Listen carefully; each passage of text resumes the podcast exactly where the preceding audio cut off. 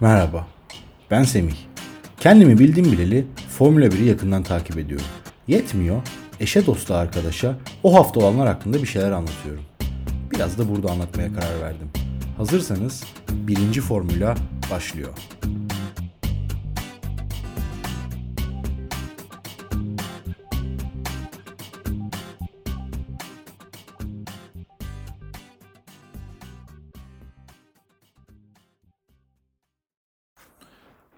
2020 Formula 1 sezonu perdeyi gerçekten çok güzel bir hafta sonuyla açtı. Ve hafta sonuna girilirken elimizde olan onca belirsizliğin vaat ettiği kaosu da cömertçe önümüze serdi. Dayanıklılık bu hafta sonunun en önemli mevzusuydu. Çünkü gridin yarısı yarış dışı kalırken hafta sonu boyunca sürekli 1-2 giden Mercedes'lerde yarış dışı kalmak üzereymiş bunu öğrendik.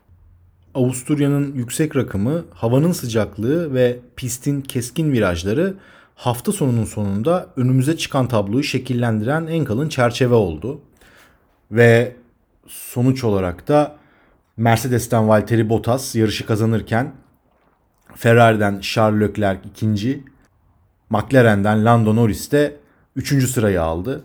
Fakat bu sonuçlar e, yarışın şeklini ve hatta bütün hafta sonunun inişlerinin çıkışlarını anlatmaktan çok uzaklar. Bu yüzden dilerseniz önce hafta sonuna bir bakalım. Devamında da takımları konuşalım. En sonda da Amerika'da başlayan ve spor dünyasına da haklı olarak sirayet eden ırkçılık karşıtı gösterilerin ve protestoların Formula 1'deki iz düşümüne bakalım. Çünkü bana kalırsa becerilemeyen bir iki hikaye oldu orada. Cuma gününden başlayacak olursak. Daha önce de söylemiştim. Bu sene sezona girilirken elimizdeki tek gerçek veri kış testleriydi. Kış testlerindeki Mercedes'in üstünlüğü Cuma'dan itibaren hafta sonuna da yansıdı ve son ana kadar da böyle gitti açıkçası. Fakat beklemediğimiz şey kış testlerinde Mercedes'e bayağı yakın gözüken Red Bull'un aslında Mercedes'in bu kadar gerisinde kalmasıydı. Son antrenman haricinde Mercedes'in yanına yaklaşabilen hiçbir takım olmadı.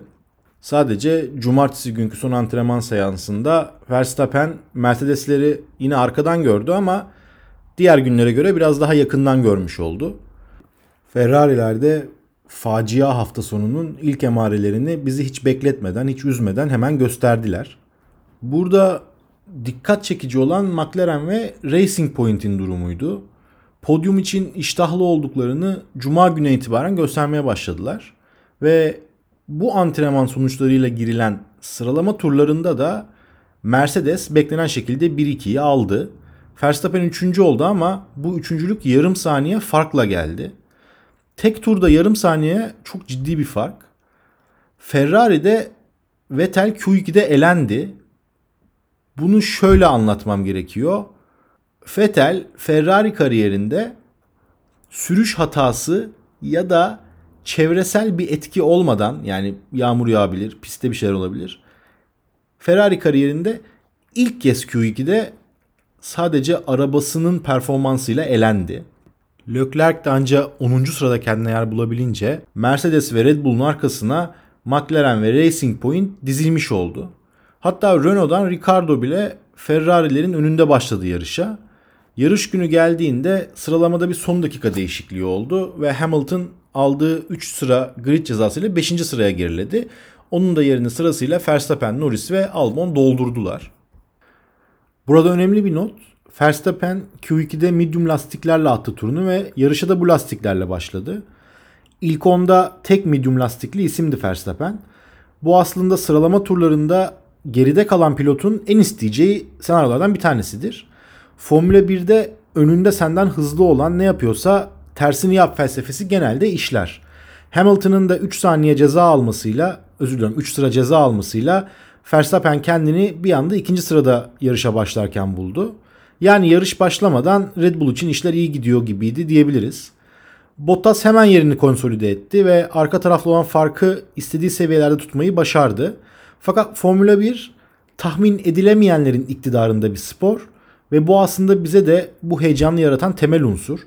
Verstappen güç ünitesindeki bir problem nedeniyle 11. turda arabasını park etti. Bu noktada yarışta şunu da gördük. Tek turda çok hızlı gözüken Racing Point ve McLaren yarış temposunda o gösterdikleri hızı çok da koruyamadılar. Yani yarış gerçekten farklı dinamiklerin işlediği bir evren ve çok bariz bir pilotaj hatası olmasa da McLaren ve Racing Point pilotları ileriye hamle yapabilecek pozisyonları yakalamak yerine yerlerini kaybetmemek üzerine bir savaşa girdiler. Hamilton 5. başladığı yarışta Verstappen'in de yarış dışı kalmasıyla Albon'la bir mücadele etti. Peşine Norris'le bir mücadeleye girdi ve Bottas'ın arkasında ikinci sırada kendini göstermeye başladı. Burada aslında Mercedes'in aldığı takım kararı şuydu. Kim öndeyse o birinci pilottur. Arkadan gelen ikinci pilottur. Ee, yarıştan sonra Hamilton'ın yaptığı açıklamalarda yani tam olarak beni pite çağırdıklarında hangi lastiği isteyeceğimi falan kararlaştırmamıştım diyor. O da biraz hazırlıksız yakalanmış ya da biraz oluruna bırakmış işi. Tam Bottas'ın arkasında e, DRS mesafesine gelmişken o hepimizi şaşırtan anons geldi. Mercedes takımı pilotlarına körplerden uzak durmalarını, virajlara daha sakin girmelerini ve birbirleriyle yarışmamalarını belirten anonsları geçmeye başladılar peşi sıra. İlk başta ufak bir problem var hallediyoruz gibi başlayan anons durum kritik vites kutusu sensöründe bir gürültü noise seziyoruz. Bu arabaları yarıştan çekmemize kadar gidebilecek bir silsileyi tetikleyebilir şeklinde bir anons geçtiler. Formula 1'de arabalar elektronikleştikçe bu sensör meseleleri can sıkmaya başlıyor. Çünkü aslında arabanın mekaniğinde bir problem yok. Araba gidiyor. Hiçbir hatası da yok. Ama arabadaki bu veriyi işleyen sensörlerde dalgalanmalar ve inputlarda, girişlerde farklılıklar olmaya başlayınca araba aslında çok sağlamken kendini problemliymiş gibi aksettirmeye başlıyor. Bu da aslında bu noktadan sonra arabanız bitti demek.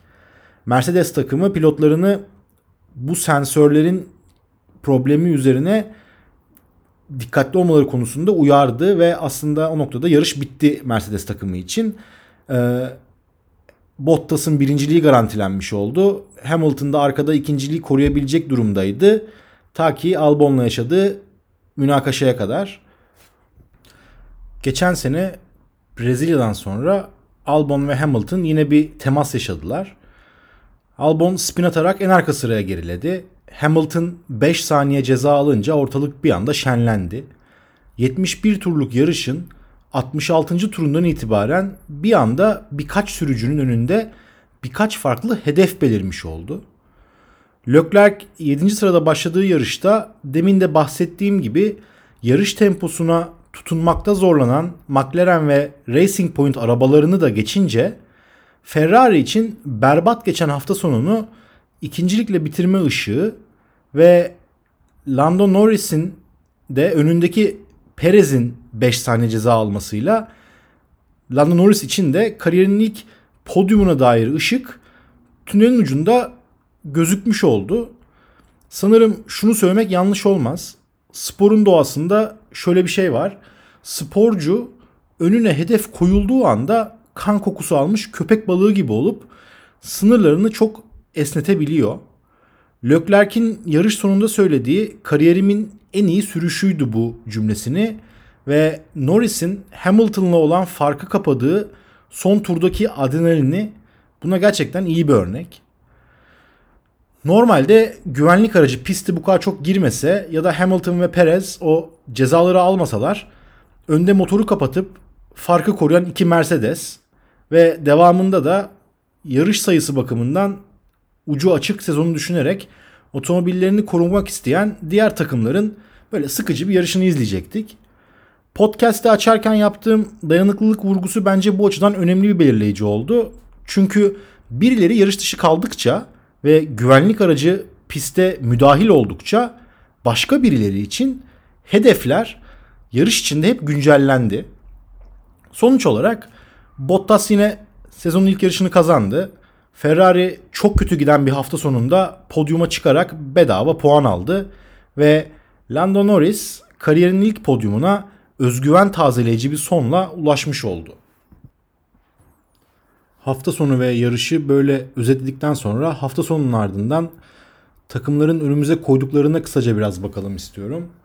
Kazananla başlayalım. Mercedes çok iyi bir hafta sonu geçirdi. Açık ara en hızlı takım görüntüsünü verdiler. Bottas hafta sonunun başında biraz bocalasa da hem pol pozisyonunu kazandı hem de yarışı kazandı. Normalde güvenlik arabası yarış liderinin çok işine gelmez.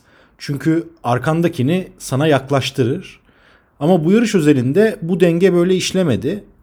Bottas Avusturya'da güvenlik aracı sayesinde lastiklerini korudu ve Hamilton'ın DRS tehdidine hep kaçabildi. Yarışın zaten devamında da sensör mevzusu ayyuka çıkıp takımdan motorları kısın ve temponuzu düşürüp yarışmayın emri gelince Valtteri Bottas rahat bir nefes almış oldu. Mercedes kışın tanıttığı ve çok dikkat çeken teknolojisi DAS'ı Avusturya'da kullandı. Çünkü tartışmalar vardı kullanacak mı kullanmayacak mı diye. Cuma gününe itibaren bunu gördük özellikle araç içi kamera çekimlerinde. Kısaca açmak gerekirse DAS Dual Access Steering çift eksenli direksiyon gibi çevirebiliriz Türkçe'ye. Fakat Mercedes bir Alman takımı olduğu için DAS'ı kullanmayı tercih ediyorlar. DAS şu işe yarıyor. Normalde iki tane birbirine paralel giden tekeriniz var. Ve siz normal direksiyonda sağa sola çevirdiğinizde direksiyonunuz sağa ya da sola ikisi birden dönüyor. DAS da ikinci aks öne itmek direksiyonu ya da geriye çekmekle alakalı.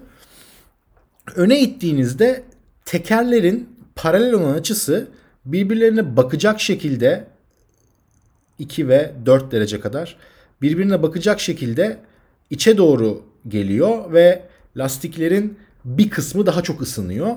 Geriye çektiğinde tekerlekler açılıyor ve yine küçük derecelerle lastiklerin diğer tarafı daha fazla ısınıyor. DAS ne işe yarıyor derseniz virajlarda bir üstünlük sağladığını anlatıyor Mercedes.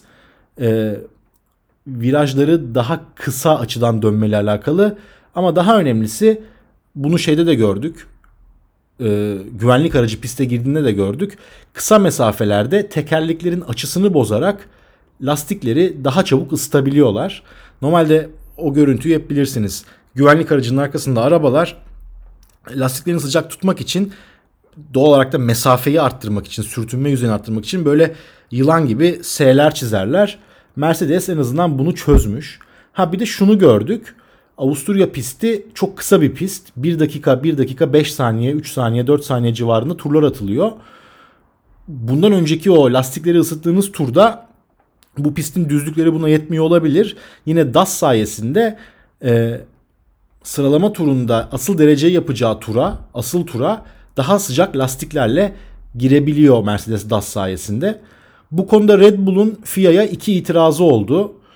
FIA DAS'ın geçerliliğini onayladı. Gelen haberler Red Bull'un da kendi DAS teknolojisini ürettiğine dair. Aslında Red Bull'un FIA'ya yaptığı şikayet şöyle de okunabilir. Red Bull kendini de kurtarmak istemiş olabilir. Çünkü meşruiyeti onaylandı bu teknolojinin. Aynı zamanda kısa bir sezonda Mercedes'in bu teknolojiyi kullanmasının önüne belki bir yarış iki yarış da olsa set çekme ihtimalini de kovalamış olabilir Red Bull. Çünkü olası bir diskalifiye 22 yarışlık normal bir sezonda küçük bir yol kazası iken 8 yarışlık bir sezonda çok ciddi sonuçlar doğurabilir puan anlamında. Benim sezon başlamadan önce okuduklarım Mercedes'in bu 8 yarışlık bir sezonda olası bir diskalifikasyonu göze almayarak DAS'ı hiç kullanmayacağı yönündeydi ama Cuma günü kullandılar. Bir de şunu biliyoruz. Formula 1'de takımların var olan kuralların etrafından dolaşarak bulduğu yeni bir teknoloji sadece sezonun ilk yarısında o beklenen marjinal faydayı sağlayabiliyor. Sezonun ikinci yarısında çoktan her takım aynı teknolojiyi ters mühendislikle çözüp kendine adapte etmiş oluyor. Yani o beklenilen minimal farkı yaratmamaya başlıyor teknoloji. Bu hafta sonundan da öğrendik ki Mercedes'in bu seneki en büyük kabusu bu vites kutusu problemi olacak. Yarıştan sonra gelen bilgiler Mercedes'in iki otomobil de az daha kaybediyor oluşuydu. Pazartesi günü gelen bilgilerde sorunun aslında cuma gününden tespit edildiğini ve böyle bir durumun beklendiğini gösteriyor. Hatta yapılan açıklama şöyle bitiyor. Çözmeye çalışıyoruz ama sezon boyunca ne olacağını da bilmiyoruz, kestiremiyoruz. Bu açıkçası benim anladığım kadarıyla kucağımızda bir bomba var. Ne zaman nerede patlar bilmiyoruz demek. Bu sezon Mercedes çok hızlı ve kağıt üstünde sezonun en büyük favorisi. Ama çok alakasız yarış dışı kalmalarına da hazırlıklı olmalıyız diye düşünüyorum. Ki bu da sezonu renklendirir. Toto Wolff mühendislerime güveniyorum. Haft bu haftayı ve önümüzdeki tekrar Avusturya yarışını bir atlatalım. Önümüze bakacağız dedi. Toto Wolff şöyle haklı. Avusturya Grand Prix'sinde ev sahipliği yapan pist kısa ve virajları çok keskin, körbleri çok yüksek bir pist. Bu sensör problemin tetikliyor olabilir buradaki vibrasyon. Ee, bunun dışında bir de sezon kısa ve Bottas şimdiden Hamilton'a e, puan olarak iyi bir fark koymuş durumda. Bu sezonu böyle de devam ettirebilir Mercedes. Şunu demek istiyorum. Bottas 2 senedir sezonlara çok iyi başlıyor ama bu motivasyonunu sezon ortasında bir yerde yavaş yavaş kaybetmeye ve hatalar yapmaya başlıyordu. Tabi Hamilton gibi bir isimle yarışıyor Bottas ve takımda da zaman ilerledikçe sezonda zaman ilerledikçe takımın Hamilton'ı Hamilton'ı kayırdığını bir şekilde ona biraz daha fazla iltimas geçtiğini görüyor olabilir. Bu da 22 yarış boyunca motivasyonunu koruyamamasına sebep olabilir. Yani hep böyle bir yenilmişlik hissi geliyor olabilir. Sezon kısa ve Bottas şimdiden o upper hand'i eline aldı diyelim. Yüksekte duruyor. Ee, şansı da yaver giderse Bottas burada başka bir hikaye yazabilir. Gelelim Red Bull'a. Onlar için tabii fena başlamayan bir hafta sonu çok kötü bitti. İki, iki otomobilden de puan alamadılar. Önce Verstappen 11. turda kendisinin de anlayamadığı bir güç ünitesi problemi sebebiyle pite gelip orada da otomobilini terk etti. Daha sonra da Albon podyum yapacak gibiyken Hamilton'la yaşadığı temas sonucu spin atınca 13. sıraya geriledi. Burada hemen akıllara Albon'un Hamilton'la geçen sene yaşadığı olay da geldi ve bu temas Albon'un podyumuna vurulan bir darbe olarak okundu ama şunu unutuyoruz sanırım. Alexander Albon 69. turda arabasını kenara park etti ve yarış dışı kaldı. Üstelik sonradan aldığımız kadarıyla yaşadığı problemin de bu temasla bir alakası yok. Temas olmasa da bu problemi yaşayacakmış zaten. Red Bull iki aracıyla beraber yarış tamamlayamadı. Bu Mercedes hariç herkesten daha hızlı gözüken bir takım için en kötü senaryo. Tekrara düşeceğim ama bu şu an için 8 yarışlık bir takvim. Dolayısıyla kayıplar çok büyük. Üstelik artık tek rakibiniz de Ferrari değil. Christian Horner yarıştan sonra yaptığı açıklamada sorunun çözümüne çok yakın olduklarından bahsetti. Mercedes'in problemi kadar kronik durmadığını aldım ben bu açıklamalardan. Red Bull'un bir de ilk Avusturya yarışında aero anlamında test ettiği bir durum vardı. İki otomobilin de ön kanatları birbirinden farklıydı. Albon'da geçen seneki ön kanat, Verstappen'de ise güncellenmiş bir ön kanat vardı. Virajlarda yol tutuşu ve önden kaymaları azaltma anlamında iki farklı ayar denediler. Verstappen'in versiyonundan ne kadar veri toplayabildiler tabi bu tartışılır. Çünkü Verstappen çok erken havlu attı. Gelen son haber de ikinci Avusturya yarışında yani bu hafta sonu iki otomobilde de aynı ön kanadı kullanacakları yönünde ama hangi versiyon olacak ondan bahsetmediler. Bir de şunu konuşabiliriz ki Albon'un burada sportmenliğinden ötürü bir alkış göndermek gerekiyor sanırım Albon'a. 69. turda otomobilini kenara çekerken alacağı cezayı da göze alarak sırf Hamilton'dan bir intikam almak için saçma sapan bir yerde dursa mesela zaten 5 saniye cezası olan Hamilton 2 turda güvenlik aracının arkasında çok yakın giden sürücülerle birlikte puan bile alamayabilirdi. Red Bull'un yarıştan kopmamak adına bu hafta sonunda çok hevesli olacağını düşünüyorum ben. Hatta sorunları halledebilirse Verstappen de ben buradayım diyebilir. Çünkü ortam buna çok müsait. Ferrari'de işler çok kötü gidiyor ve bu durum sadece bu haftaya da özel değil. Vettel Ferrari kariyerinde ilk kez sadece arabasının performansıyla Q2'de elendi. Leclerc tamamen yarışın dinamikleri gereği ikinci oldu. Umarım Ferrari yönetimi de bunun farkındadır ve bu ikinciliği çok kale almadan hoş bir sürpriz gibi kabul edip önlemlerini de buna göre alırlar. Yarış içinde birkaç kere araç içi kamerası çekimlerinden gördük ki Fetel arabasını kontrol dahi edemiyor. Otomobil hiç stabil değil.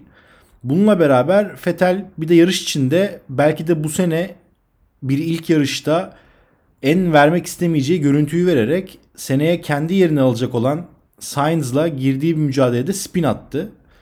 İleride Sainz Ferrari'de bir şeyler başarırsa bu görüntü çokça önümüze gelir diye düşünüyorum. Öte yandan cuma günü verilen demeçlerden Ferrari Vettel ayrılığına dair yeni bir şeyler daha öğrendik. Binotto aslında Vettel'le devam etmeyi düşünüyorduk Şubat ayında. Ama ortaya çıkan koronavirüs pandemisi ve onun getirdikleriyle beraber bu kararımızı değiştirdik dedi. Fakat basına yansıyan haberlerden biliyoruz ki Ferrari Sainz ile geçen sene Aralık ayında görüşüyormuş. Bu denklemin diğer tarafındaki isim olan Vettel ise kendisine gelen bir telefonla bu haberi aldığını aslında koronavirüs öncesi de takımın ona bir şey teklif eder gözükmediğinden bahsetti. Geçen senenin bu pistte pol pozisyonu sahibi Charles Leclerc'ti ve derecesi de 1.03 0.03'tü. Ferrari bu sene bu derecenin yanına bile yaklaşamadı. Sıralama turlarında herkes vites arttırırken Leclerc zar zor 1.04'ün altına düşüp 7. olabildi. Cuma günkü ikinci antrenmanlardan sonra Binotto'ya yine sordular problemlidir diye. Yine bilmiyoruz, bakıyoruz dedi. Şimdi Formula 1 dünyada motor sporlarının zirvesi ve yarışta hakikaten dünyanın her yerinden yüzden fazla basın mensubu takip ediyordur. Avusturya'ya gitmek yerine buraya gelip aynı soruyu bana sorsalar ben de aynı cevabı verirdim. Binotto da herhangi bir tifosu gibi takılıp geçen seneden beri aynı cevap veriyor. Bu artık sinir bozucu oluyor.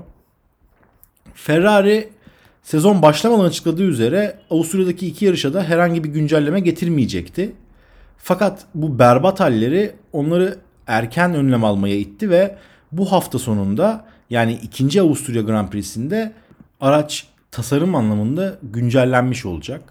Ferrari'nin geçen seneden beri artık kronik hale gelmiş bu problemini anlamak için filmi biraz geriye sarmamız gerekiyor. 2019 sezonu öncesi kış testlerinde Ferrari gerçekten çok iyi gözüküyordu. Hatta Vettel Hamilton'ın önündeydi ve ben de dahil olmak üzere Ferrari fanları Şubat ayında güzel bir heyecanlandık. Sonra Avustralya Grand Prix'si ile ilk yarış hafta sonu geldi. Orada Mercedes'in aracını gayet iyi geliştirdiğini gördük ve Ferrari'nin bu geride kalmasını takım bir tasarım tercihi olarak açıkladı ve şunu söyledi. Yavaş virajlarda aracımız iyi yer tuş yakalayamıyor ve hızlanamıyor. Fakat motorumuz düzlüklerde çok iyi. Biz bunu tercih ettik. Bu farkı bu düzlüklerdeki hızımızla kapatmayı düşünüyoruz dedi. Fakat biliyoruz ki Formula 1 takvimi yavaş virajların hızlı virajlardan ve hızlı düzlüklerden daha fazla önemli olduğu bir takvim ve Mercedes buradaki avantajını çok iyi kullandı. Ferrari içinse birkaç yarışı kendilerine yazmaktan başka bir çare kalmadı. Burada anladık ki Ferrari rekabetçi bir otomobil üretmekten çok uzak kalmış. Sezonun devamında Mercedes ve Red Bull Ferrari'nin motor verilerinde bir acayiplik gördüklerini söyleyip Amerika Grand Prix'si öncesi FIA'ya Ferrari'nin motorunun incelenmesi üzerine başvurdular. Şimdi 2014 yılında FIA ve motor üreticilerinin imzaladığı bir anlaşmayla motora giden yakıtın kontrolü için bir sensör var. Ve anlaşıldı ki Ferrari bu sensörü bir şekilde bypass edip motora kuralların izin verdiğinden daha fazla yakıt enjekte edip bu tasarım tercihi olarak açıkladığı düzlüklerdeki hız başarısını aslında küçük bir tırnak içinde hileyle yapmış. Ferrari ve FIA bu konunun sonunda bir anlaşmaya vardılar. Fakat bu anlaşmanın detayları basına sızmadı. Doğal olarak içeriğini bilmiyoruz. Ama Amerika Grand Prix'si dahil olmak üzere sezonun geri kalanında Ferrari o motor hızını bir daha kimseye göstermedi.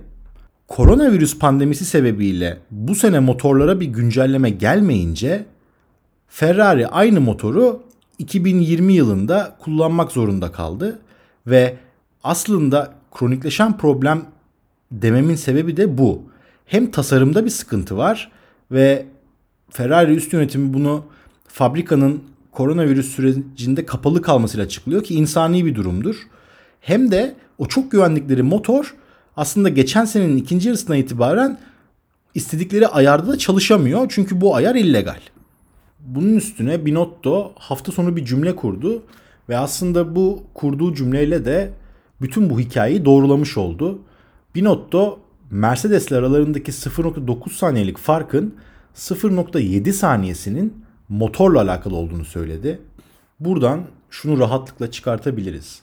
Ferrari geçen seneden beri yalan söylüyor. Üstelik bu yalanı sadece onu takip edenlere ya da sevenlerine söylemiyor. Kendi de buna inanmış durumda ve bir yalanla insan ilişkisinde insanın başına gelebilecek en kötü şey bu. Yani Binotto her seferinde sorunun ne olduğunu bilmiyoruz derken aslında rakiplerinden bir bilgi falan saklamıyor. Gerçekten Ferrari problemi çözebilecek kadar işin derinine inemedi. Hatırlayanlar olacaktır. Geçen sene sezon ortasında bir haber çıktı. Sebastian Vettel gelecek sene yani bu sene için arkadan kaymayan bir araba istediğini ve tasarımında buna göre yapılmasını istediğini söylemişti. Vettel'in araba tercihlerini Red Bull'dan beri biliyoruz. Sonuçta 4 kere dünya şampiyonu olmuş bir önemli bir marka. Fakat Ferrari bu arabayı Vettel'e vermeye çalışırken sahip olduklarını da kaybetti. Belki de bu Vettel'e verilmeyen kontratı buraya bağlayabiliriz. Çünkü geçen sene arabaylanın yol tutuşuyla ilgili yapılan tartışmalarda bu aracın bu tarzının Charles Leclerc'e daha çok uyduğunun altı çizilmişti. Şunu diyebilir miyiz acaba? Ferrari Vettel'e kontrat vermedi. Çünkü Vettel'e tekrar araba tasarlatmak istemedi. Ferrari'nin motoru sadece kendi başına da iş açmıyor. Bu hafta sonunda Ferrari motoru kullanan 3 takım da deyim çuvalladı. Hatta Günter Steiner Ferrari'ye motora bakmaları gerektiğinde bir tavsiye verdi. Bu konuda güzel bir grafik vardı. Hamilton, Verstappen ve Leclerc'in turları üst üste bindirildiğinde Ferrari'nin arabası saatte 270 kilometreye kadar rakipleriyle aynı hızı aynı zamanda yakalayabiliyor. Fakat araç 100, 270 kilometreden sonra hızlanırken çok büyük sıkıntı çekiyor. Bakalım Ferrari'nin bu yeni güncelleme paketleri 2. Avusturya'ya ve sezon devamına neler getirecek?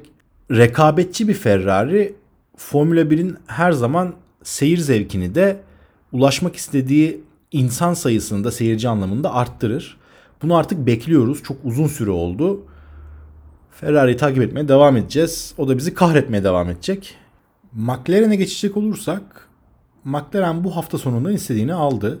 İki senedir bu an için uğraşıyorlardı. Tek turda hızlılar ama yarış temposunda bunu koruyamıyorlar dedik. Fakat bu kadar sürprizlere gebe bir sezonda daha çok podyum göreceklerini düşünüyorum ben. Norris için de çok sevindiğimi belirtmek isterim. Renault da dayanıklılık problemleri yaşadı. Ocon kazasız belasız yarışı bitirdi ama Ricardo çok erken yarış dışı kaldı. Bu arada Ricardo da Ferrari'nin içinde bulunduğu durumda kan kokusu alanlardan biri gibi geliyor bana. O da kendini ve takımını o boşluktan podyuma doğru uzatmak isteyecektir. Otomobile izin verirse bunu yapabilecek tecrübesi de çokça var. Son olarak bir de Williams'la ilgili bir iki notum var. Williams herkesin yarış dışı kaldığı bu yarışta az daha Latifi ile puan dahi alıyordu. Burada şöyle bir soru olacak Williams için sezon boyunca. Bu soru geçen sene de soruluyordu ve cevabı aşağı yukarı belliydi. Evet otomobil kötü ama sürücüler de arabayı potansiyelinin ne kadar altında ya da üstünde kullanıyorlar.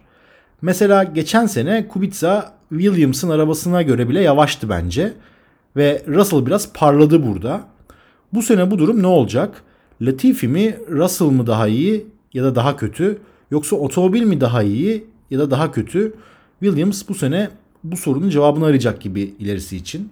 Hafta sonunun bir diğer önemli konusu da Amerika'da başlayan ırkçılık karşıtı gösterilerin Formula 1 dünyasında da kendine yer bulması oldu. Aslında burada da biraz geriye bakacaksak eğer bu gösteri Amerika'da ilk başladığında ve insanlar ilk tepkilerini vermeye başladıklarında Formula 1'de herkes sessiz kalmıştı.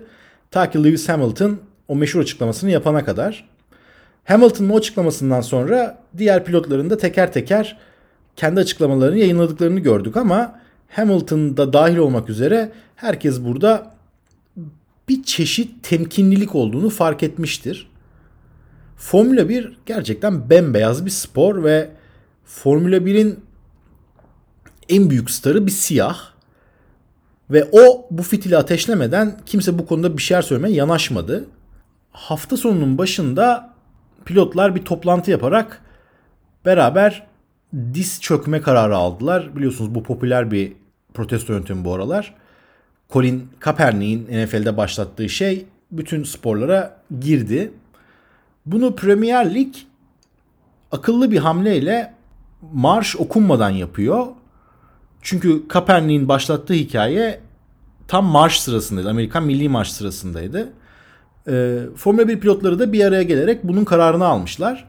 Fakat tam bunun yapılmasına birkaç saat kala peş peşe Max Verstappen ve Charles Leclerc'den iki tane ayrı Instagram postu geldi. Bu Instagram postunda ikisi de kendilerince durumlarını açıklayıp tabii ki ırkçılık karşıtı mesajlara destek olacaklarını ve o fotoğraf karesinin içinde olacaklarını ama diz çökmeyeceklerini belirttiler. Bu protesto yönteminin işin amacını farklı gösterebileceğinden dem vurdular ve ikisi de aşağı yukarı e, şunu söylemeye çalıştı. Avusturya Milli Marşı'nda böyle bir şey yapmak istemiyoruz. Çünkü bizim Avusturya ile ilgili problemimiz yok. Ama tabii ki biz de birer birey olarak ırkçılık karşıtı mücadeleye destek verip orada olacağız. Gerçekten de öyle oldu. E, Leclerc ve Verstappen'in dışında Kimi Raikkonen, Carlos Sainz, Daniel Kiat, Antonio Giovinazzi diz çökmediler. Onlar ayakta durdular. Diğer geri kalanlar hemen onların önündeylerdi. Hatta şöyle saçma sapan bir görüntü oldu orada. Kamera Hamilton'ı çekiyordu. Hamilton da o sırada şöyle yana doğru bakıyordu ve Kiat'la göz göze geldi. Kiat onun başında dikiliyor. O sırada Kiat kameranın onları çektiğini fark edip yakasındaki We Race as One rozetini kameraya göstermeye çalıştı. Slogandan emin değilim ama onlardan bir tanesiydi. O sırada şu Hamilton bir gözlerini devirdi.